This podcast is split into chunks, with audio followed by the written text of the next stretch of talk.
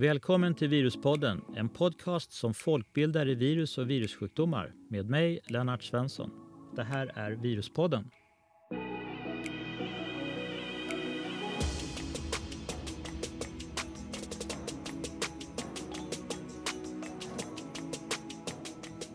Välkommen till Viruspodden med mig, Lennart Svensson och Åke Lundqvist. Coronaviruspandemin har nu pågått i över två år och sedan kriget i Ukraina bröt ut har det varit mycket lite om pandemin i media. Men en del viktigt har hänt sedan sist. Här i Viruspodden pratar vi om pandemin, till exempel om omikron och senast om vaccinmotståndet. I dagens avsnitt ska vi försöka räta ut en del frågetecken kring begreppet överdödlighet och diskutera kring detta. Vi ska vidare gå igenom vad vi idag vet om de nya varianterna av omikron och vad uppkomsten av den kan ha för betydelse framöver. Slutligen, slutligen lite grann om vaccin, om det som hände i måndags när det beslutades om en fjärde dos i Sverige. Visserligen endast för de som är över 65, men ändå ett stort steg framåt. Sedan Coronakommissionens skarpa kritik har vi i media kunnat läsa om att Sverige ändå lyckats ganska bra. Men hur har vi hanterat pandemin genom att jämföra olika länders överdödlighetsstatistik? Vad tänker du om det, Åke? Det har nyligen i en internationell tidskrift av hög kvalitet publicerats en större genomgång om hur pandemin har hanterats i Sverige. En artikel som används faktiskt som kurslitteratur i USA för att illustrera hur pandemin hanterades. Men vad står i den här artikeln då? Artikeln är ganska kritisk till hur den svenska pandemin har hanterats. En rätt omfattande insamling av data, citat, publikationer är det. Vi kanske får återkomma till den artikeln lite senare. Hur ser du på det här, Åke? Ja, eh, jag har egentligen aldrig förstått varför någon använder överdödlighetsstatistik vad gäller covid-19-pandemins dödsoffer. Ända sedan pandemin startade så har vi haft en mycket eh, eh, specifik diagnostik, det vill säga väldigt, väldigt snabbt kom det fram metoder för att mycket säkert bestämma om en människa hade blivit infekterad av det här viruset eller inte. Och eftersom vi har en, en specifik diagnostik, som man kallar det, så finns det ju inga och har heller aldrig funnits några problem med att till exempel i Sverige exakt räkna ut hur många som har dött, dött just av covid-19. Det kan vara en fördröjning eh, innan Socialstyrelsen samlar ihop de siffrorna med dödsorsaker. Men eh, det, det kommer ju förr eller senare. Men varför fungerar inte beräkningar av överdödligheten alls här då? Vad, vad är det som är problemet? liksom? Ja, Ola Stenqvist skrev nyligen en, en mycket bra och också väldigt pedagogisk debattartikel i DN. Eh, det var den 20 mars som väldigt bra sammanfattar varför överdödlighet inte alls lämpar sig för jämförelse av olika länders hantering av covid-19-pandemin. Och jag kan verkligen rekommendera den artikeln. Den är fullständigt kristallklar och även väldigt pedagogisk. Och ett exempel, ett talande exempel från den artikeln är att om man använder överdödlighetsstatistik eh, som mått så dog inga svenskar i Estonia-katastrofen. Det året, det vill säga 1994, var det nämligen en ordentlig underdödlighet jämfört med både åren före och efter 1994. Jag har inte räknat på, men är ganska säker på att skulle man använda överdödlighet vad gäller tsunamin så skulle inte några svenskar ha dött där heller. Men den kanske allra bästa jämförelsen är de svenska dödsoffren i spanska sjukan. Det vill säga den värsta av alla influensapandemier som vi känner till under åren 1918 till 1922. Använder man här överdödlighetsstatistik så försvinner nästan hälften av de cirka 40 000 svenskar som faktiskt dog av just den influensapandemin. Om man lägger på en korrigering för att befolkningen, den totala befolkningen i Sverige ökande under de här åren så försvinner ytterligare cirka 10 000 av de faktiska svenska dödsoffren i influensapandemin. Vad kan man säga mer om det här med överdödlighetsstatistik och pandemier? Vad, vad, vad, vad, finns det mer att hämta ut? Från Som jag sa i början så förstår jag inte att någon överhuvudtaget ägnar sig åt den typ av statistik när vi har eh, faktiskt kunskap om exakt hur många som har dött i till exempel eh, covid-19-pandemin. Därför att överdödlighet är helt enkelt ett väldigt svagt mått att använda under en pandemi i ett land som Sverige. Framförallt beroende på den naturliga variationen i dödsfall som vi har varje år. Någonstans runt 5 varierar det upp och ner eh, för olika år. Så att överdödlighetsstatistik är alltså ett surrogatmått. Ett nödmått som man kanske kan använda när de verkliga dödssiffrorna inte finns att tillgå. Men det gör det ju här eh, vad gäller covid-19-pandemin. Och där blir, därmed blir den typ av beräkningar eh, värdelösa och till och med i det här fallet mycket missvisande. Men eh, varför använder man då överdödlighet om det ändå har ett begränsat mått på själva pandemin och, och sådär? Ja, Lennart, det är en mycket bra fråga som man kan fundera mycket över. Men jag tänker att, att statistik hör ju inte till allmänbildningen. Så att det kanske inte alls är förvånande att, att media och allmänheten gärna köper ett, en sån förklaring i, som då resulterade i att, att enligt överdödlighet så har Sverige klarat sig väldigt bra i den här pandemin.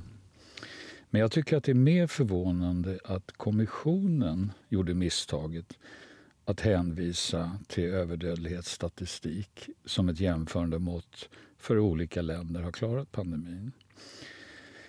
Och det här stod ju också väldigt tidigt i den här 750-sidiga rapporten från kommissionen. Och eh, det upp, snappades ju då upp av, av media väldigt genomgående. Och att sen media blåser upp det förvånar mig kanske inte alls eftersom det mesta som vi kan hitta i media produceras ju tyvärr av vetenskapligt och inte minst statistiskt otränade journalister.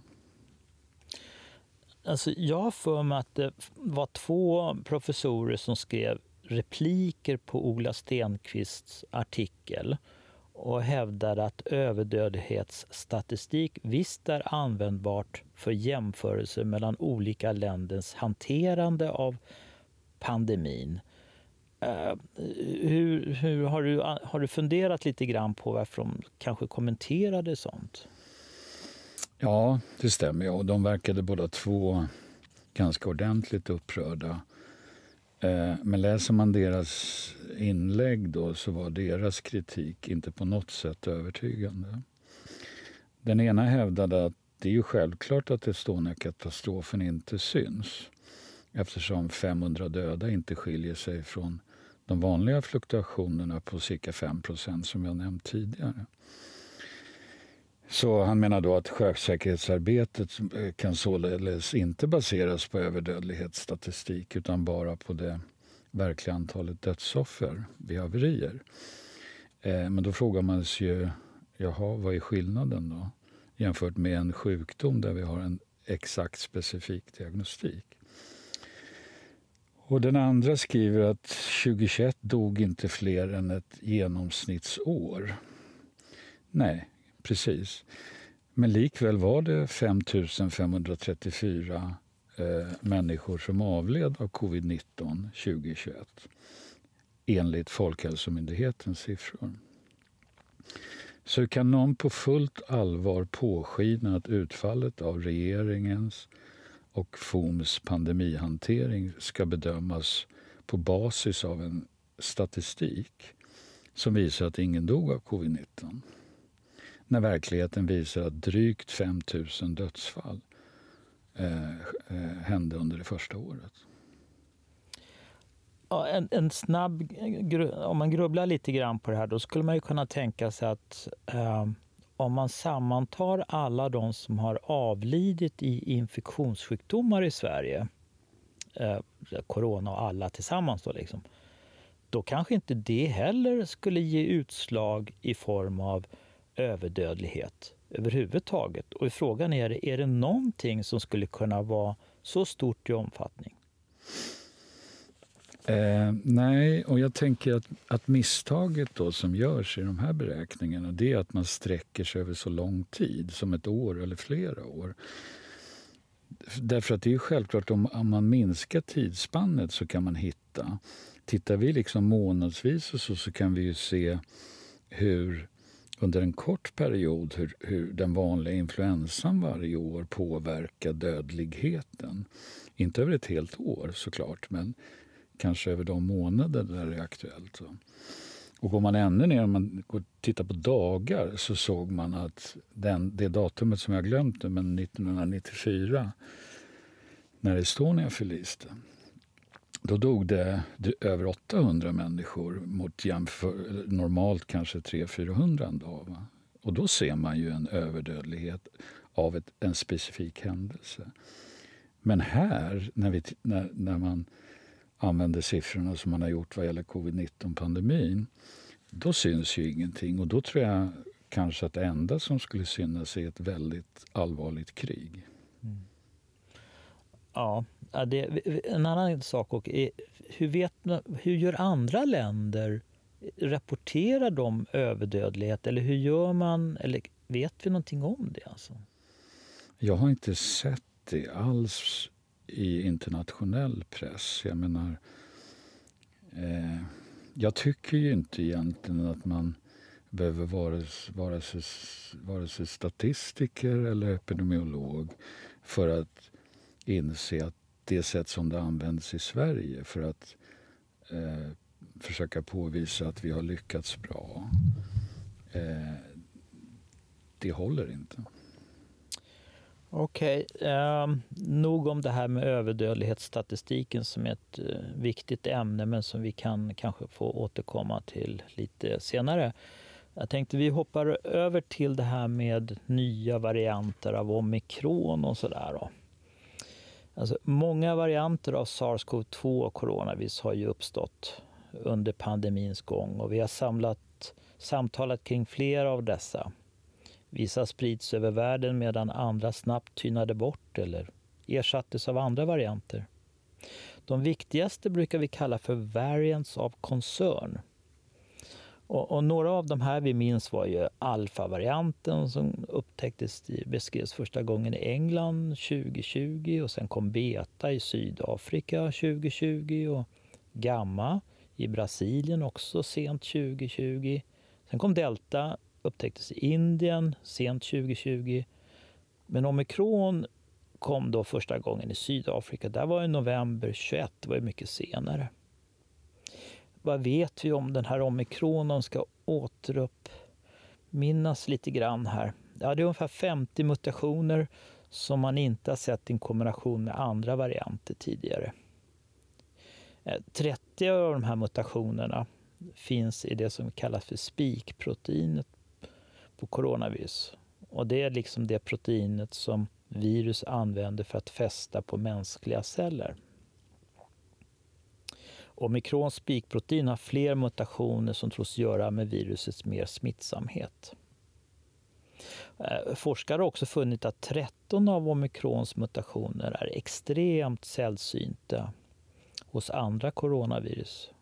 Och de representerar ett stort hopp i virusutvecklingen. Så man kan nog säga att från delta så hoppade coronavirus ordentligt framåt i sin utvecklingsfas och blev omikron. BA1 är varianten som var den vanligast cirkulerande versionen av omikron.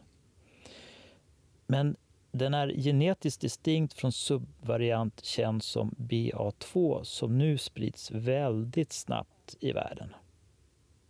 BA2 har så här långt större spridningskapacitet än sina föregångare BA1.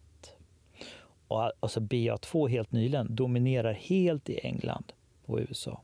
Och i Sverige också. Och den har mycket rask spridning i Danmark och är sannolikt i, faktiskt i hela Europa.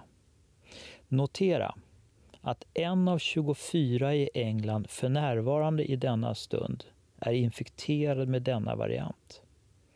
England redovisar den största smittspridningen av coronavirus sedan pandemins början.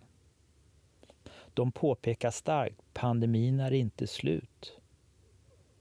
Men vi går som vi tidigare har talat om i podden mot en endemisk situation. Okej, okay, vad, vad kan man då dra för slutsatser av de här nya varianterna eh, som hela tiden dyker upp? Jag hade en tanke också, eller en fråga till dig Lennart. Om, du nämnde att de här att omikron eh, hade från början i alla fall 13 mutationer som inte hittas i andra varianter. Och det spekulerades då om ursprunget, om det här har varit tillbaka i en, en djurvärld eller om hur, hur hade det här kunnat gå under radarn så länge? Har du sett någonting nytt om det? Uh, nej, Nej, det har jag inte. Har du, har du, hunnit, har du sett någon, någon ny information? För det hade vi uppe för diskussion Exakt, också. Varit, och väldigt jag, jag intressant. Alltså. Nej, om, om... jag har inte heller sett något nytt där. Uh, jag vet att uh, våra engelska kollegor kommenterade den här väldigt snabba spridningen av det som heter då BA2, den här nya varianten omikron i England som att uh, den har ju uppenbarligen ökad smittsamhet, men det kan också vara så att det genererar väldigt snabbt en så kallad naturlig immunitet i den engelska populationen. Och det blir väl så i Sverige också och i USA också. För har du väldigt snabb smittspridning av den här varianten så blir ju förstås många infekterade. Och blir många infekterade så kommer det att generera en typ av naturlig immunitet på något sätt. Frågan är förstås bara, vad ger den skydd mot? Och inte blir det att den skyddar mot infektion. Det kan hända att den skyddar mot sjukdom lika bra som vaccinerna gör. Ehm, ja, vi vet inte mycket om det, men en sak är säker. Flockimmunitet kan vi nog helt glömma. Det som torgfördes tidigt i pandemins dagar. Uh, det andra är väl om det är osäkert om det kommer att visa upp någon säsongsmönster. Jag vet inte. Om du har, jag tänker nu, nu går vi mot otrolig smittspridning av den här varianten. Ett tag så var man inne på det här att det kanske fanns en säsongsmönster. Och så inne på våren här, och det är man i England också, och i USA också, och många andra länder. Och så får vi den största smittspridning vi kan se det kanske inte uppvisar något säsongsmönster. Alltså, vad, vad tror du om det? Jag tror att kopplat till det du sa så, så med en sån enorm smittspridning som vi har haft nu och, och i stora delar av världen fortfarande har eh, så blir det ju en, en tyvärr kortvarig immunitet. Det har vi också lärt oss att den står sig inte alls nästan mot infektion men förhoppningsvis då x antal månader mot, mot svår sjukdom och död. Så att jag vet inte, jag tror, jag gissar att vi kommer se ett liknande mönster som de tidigare två vårarna, somrarna. Att vi här, i den här delen av världen, Sverige till exempel, att det kommer vara ganska lugnt. Men det, sen går sommaren och vi tappar våra, vårt skydd. Och sen blir det höst och vi tränger ihop oss eh, inomhus igen. Va? Så att jag har mycket svårt att tro att det inte kommer en ny våg till hösten. Ja, eh, de här varianterna som dyker upp hela tiden, det är ju många som hör av sig om dem och eh, frågar hur länge ska nya varianter uppstå och tar det aldrig slut någon gång och måste vi hålla på att vaccinera? Och, och svaret är nog att coronavirus är ett RNA-virus. Och det corona är tillsammans med hiv och vinterkräksjuka har den egenskapen att de vill mutera hela tiden. Det är en överlevnadsstrategi. Det kan mycket väl vara så för coronavirus att en individ kan nog generera mellan 100 och 1000 varianter av nytt virus, men bara en liten andel av dessa är livskraftiga. Så svaret blir ja, vi kommer att få leva med nya varianter i hur länge som helst, kommer jag att tro. Men de kommer att få mindre och mindre klinisk betydelse. Om det är så att sjukdomsförmågan minskar och dödligheten minskar och då blir det mer som en säsongscorona. Uh, jag var väl inne på det där lite grann med att det, den här nya varianten heter ju BA2 och det man både i England och USA har ju påpekat att den här snabba spridningen skulle kunna stärka den naturliga immuniteten. Men som Åke poängterade så vet vi inte så mycket om. Ja, precis. Men eh, jag hade två tankar där, Lennart. Var det här som vi alla hoppas starkt på då att, att eh, för de nya varianterna ska bli mindre och mindre farliga. Eller mindre virulenta, som man säger på, på vårt språk. Eh, hur säkra kan vi vara på det? Alltså det är ju rätt mycket data nu. Jag tänker då på den här omikron, den här nya varianten BA2 där smittspridningen är ohyggligt stor. Den förökas nästan, den dubbleras nästan på tio dagar i England just nu. Men man ser inga man ser inget ökat antal dödsfall, men däremot är det fortfarande många som blir sjuka. Mm. Så det kan ju vara så att nästan alla är ändå vaccinerade och då är det vaccinet som håller emot att dödligheten inte går upp. Så kan det vara. Plus att väldigt många har haft corona ganska nyss med tanke på spridningen av grundomikron eh, före jul. Va? Så att jag tycker att utifrån dem, vaccin och eh, tidigare infektion, nylig tidigare, så är det väldigt svårt att dra några säkra slutsatser på. Och jag tror att man är ganska säker på att delta gav en svårare sjukdom än de tidigare varianterna. Och jag tänker då att allvarlighetsgrad eh, i människa, det handlar mer om en slump. Det vill säga att en klar evolutionär drift eller liksom en, något som viruset hela tiden utvecklas mot är ju bättre smittsamhet. Men för en sån här infektion så kan jag inte riktigt se något, något evolutionärt tryck mot att bli mildare. Utan att det mer handlar om en slump. Sen har vi ju historien att luta oss mot en massa andra virusinfektioner som blir med tiden mindre allvarliga. Men som jag har tjatat om förr, jag, jag har ingen aning om om det sker och i så fall hur, hur många år pratar vi om. Det här kanske är en slump. Om det nu är en verklig minskning och inte beroende på bara vaccin och tidigare infektioner.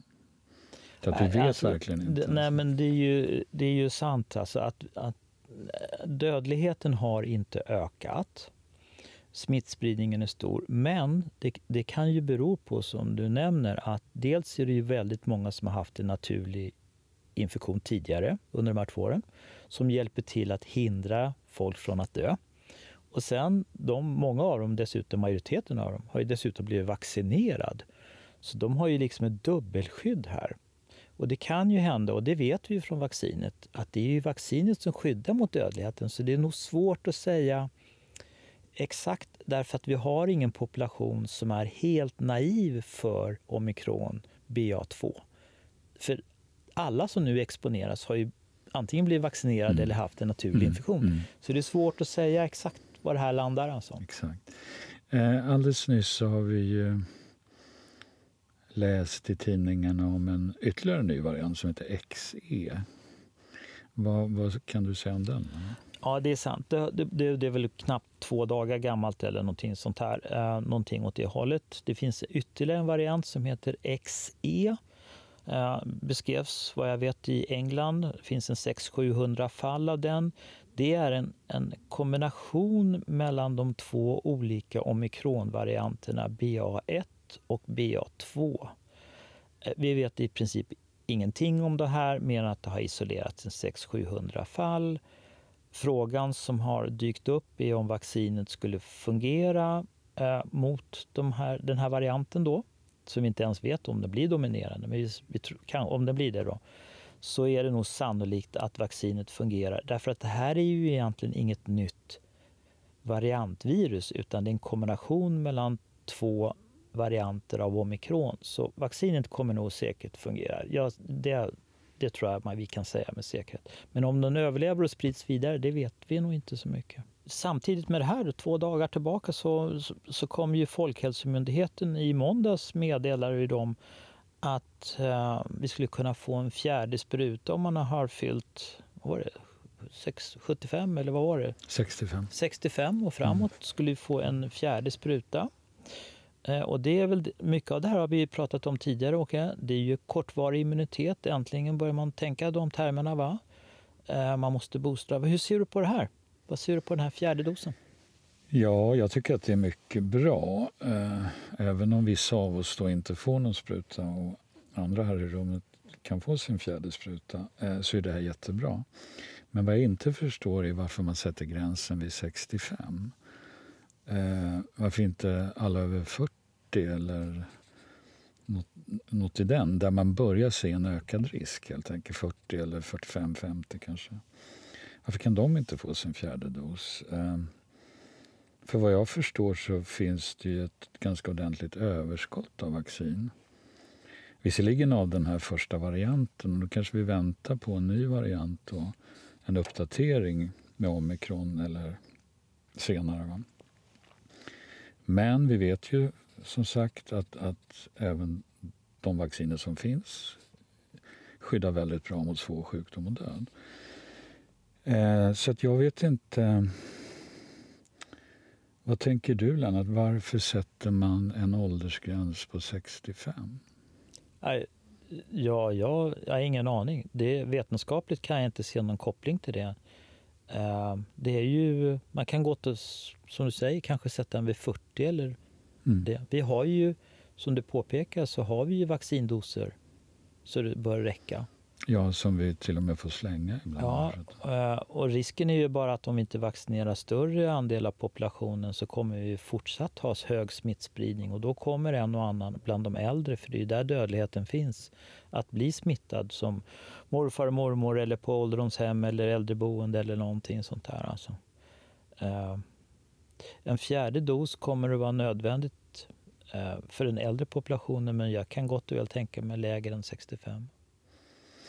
Eh, samma sak så förstår inte jag, eller på samma sätt så förstår jag inte varför det ska ha gått fyra månader minst efter den tredje dosen. Eh, vad, vad ligger bakom det? Jag tänker efter tre månader så har ju immunsystemet återhämtat sig mer än väl. Så jag, jag tycker att, att alla borde få möjlighet att få en fjärde dos efter tre månader. Nu är det väl, eh, har ju tiden runnit iväg så att det är ju många äldre som har fått vänta över sex månader eh, innan det här sker. Va? Lätt. Eh, och det är precis samma sak som jag tycker att, att föräldrar i Sverige, precis som överallt annars i Europa, andra länder, borde få avgöra om deras barn mellan 5 och 11 ska få vaccin eller inte. Varför tror du att det är så att vi inte erbjuder vaccin för de som är under 11 i Sverige? Jag tror, men det är bara vad jag tror, att det finns en koppling till den katastrofen vi hade med svininfluensavaccinet.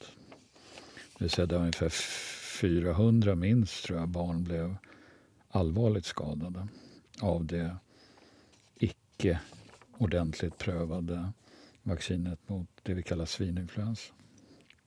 att det finns en extra rädsla i Sverige för att vaccinera barn. Mm. Ja, det, det, är ju helt sant. Ehm, det vaccinet eh, har ju ingen likhet med de eh, coronavacciner som vi idag använder i Sverige och flertalet västländer. Men, men det kan nog vara som du säger att det finns en eh, inbyggd rädsla här att vaccinera under 12 år. Då. Eh, men andra länder gör ju det. Eh, men de kanske inte hade så mycket komplikationer för influensavaccinationer då. Nej, och det var ju väldigt olika i olika länder hur, hur man agerade och hur befolkningen accepterade vaccinet mot svininfluensa. Jag minns jag var i Paris just under den perioden då och pratade med fransmän och de, de hade ju köpt hem 100 miljoner doser men det var bara 4 miljoner fransmän som gick med på att ta det. Väldigt stor skillnad jämfört med Sverige. Ja, med, de här, med dessa ord så avslutar vi väl dagens podd och så hoppas vi kunna komma till nästa podd få prata om bältros och vattkoppor och ska vi behöva ha ett vaccin och finns det ett vaccin mot det? Det är ett spännande ämne, det är ett hett ämne internationellt. Eh, och samtidigt så vill Åke och jag eh, uppmana lyssnarna att komma med idéer och uppslag eh, på poddämnen som vi kan diskutera. Vi återkommer väl med lite mejladress på hemsidan om detta så ni kan höra av er till oss med synpunkter och uppslag på idéer och ämnen som ni vill att vi ska ta upp. Nu när vi har bättre kontroll på, på pandemin så, så blir det ju ett, ett ökat utrymme för alla andra intressanta virus som finns som vi inte har hunnit med än. Så att, som Lennart sa, vi tar jättegärna emot förslag och kommentarer och så vidare.